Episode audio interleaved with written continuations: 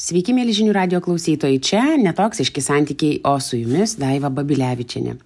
Ir šios dienos komentaras yra apie lūkesčius, kurie labai greitai gali sugriauti santykius. Iš tikrųjų, lūkesčiai turbūt yra labiausiai mūsų skaudantis dalykas, ar jie yra realūs ar nerealūs, bet jie mums neleidžia susitikti su tikra realybė, nes mes turime kažkokį įsivaizdavimą, kaip viskas turi būti santykiuose ar nebūtinai santykiuose. Ir jeigu mes jų laikomės įsikibę, tai kartais mums tai gali netgi neleisti patirti meilės, patirti santykių saugumo. Na ir nieko nelaukiant, aš norėčiau ir pakalbėti apie tuos dažniausiai pasitaikančius lūkesčius, kuriuos gali turėti tiek vyrai, tiek moteris santykiuose. Ir jeigu jų netyrinėti, negriauti, neanalizuoti, tai jie tikrai gali mus tiesiog išskirti poroje. Tad pirmasis. Aš turiu būti jos ar jo pasaulio centras. Na, aišku, įsimylėjimo fazėje galbūt taip ir yra. Ir galbūt tas lūkestis ir pasiteisina, bet ilgali, ilgalaikių santykių perspektyvoje tikėtis, kad jūsų antroji pusė laikys jūs savo pasaulio centru, yra perdėm vaikiška. Su, luo, su tuo lūkesčiu mes iš tikrųjų norime, kad viskas suktųsi aplink mus ir nebūtų jame jokio individualumo. Kuo tai kvepia? Santykių priklausomybė, gal iš dalies netgi tokiu emociniu, psichologiniu uždusimu. Kitu atveju išsiskirimu. Nes jeigu vienas turi lūkesti, kad aš būsiu pasaulio centras tau, o kitas su tuo nesutinka ir galbūt šitas lūkestis yra net neiškomunikuotas, tai tas poreikis visada leisti laiką kartu, būti kartu, galvoti, kad aš esu čia pats e, nuostabiausias ir viršiausias, mums tiesiog kabutėse galima būtų sakyti atmuša poroje e, bet kokią romantiką, bet kokį e, ilgalaikiškumą ir pora išyra. Juk poroje visgi sustinka du individualų žmonės. Kitas lūkestis yra apie minčių skaitimą. Kai mes įsivaizduojam, kad mūsų antra pusė turi skaityti mūsų mintis, nu nes juk mane myli. Arba dar geriau, jei jis ar ji neskaito mano minčių ir nesupranta, kas vyksta manyje, tai vadinasi, nebemyli. Taip užsuktai čia. Bet pagalvokim rimtai. Ar tikrai įmanoma skaityti kito žmogaus mintis? Ir ar įmanoma tikėtis, kad kitas supras, perskaitys tas mintis ir darys, kas ten viduje vyksta?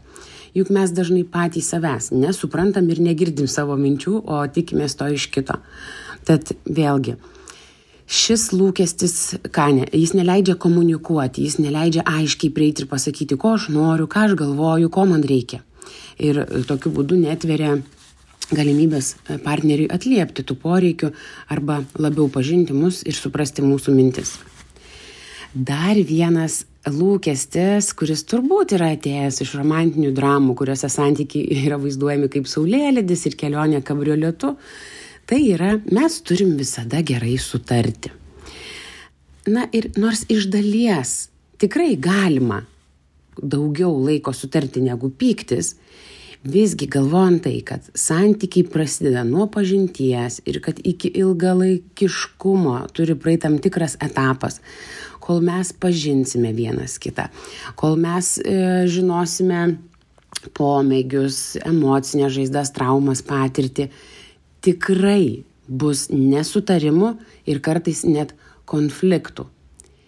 E, galų gale yra juk porų, kur išpažįsta skirtingas religijas, galbūt net politiniai įsitikinimai kitokie, gal net kalba skirtingomis kalbomis arba yra kilę iš skirtingų kultūrinių šeimų.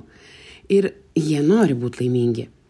Bet jiems, kad jie būtų laimingi, reikia atsisakyti, poreikio įrodinėti savo teisumą ir partnerio neteisumą. Tad tas lūkestis visada turim sutarti su vienas su kitu, gali baigtis tuo, kad pirmas konfliktas ir mes norim skirtis. Nes, na, ašgi įsivaizduoju, kad mes neturėtumėm bartis. O iš tikrųjųgi barniai, debatai, konfliktai yra tik galimybė vienas kitą pažinti ir vėliau prie tos temos jau nebegrįžti.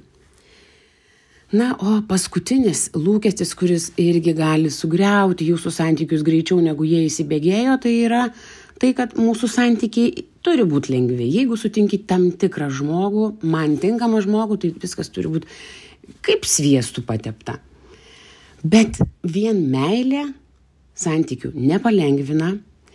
Vien tai, kad jums atrodo, kad tai yra jūsų princas ar princesė, taip pat santykių nepadarys lengvesniais.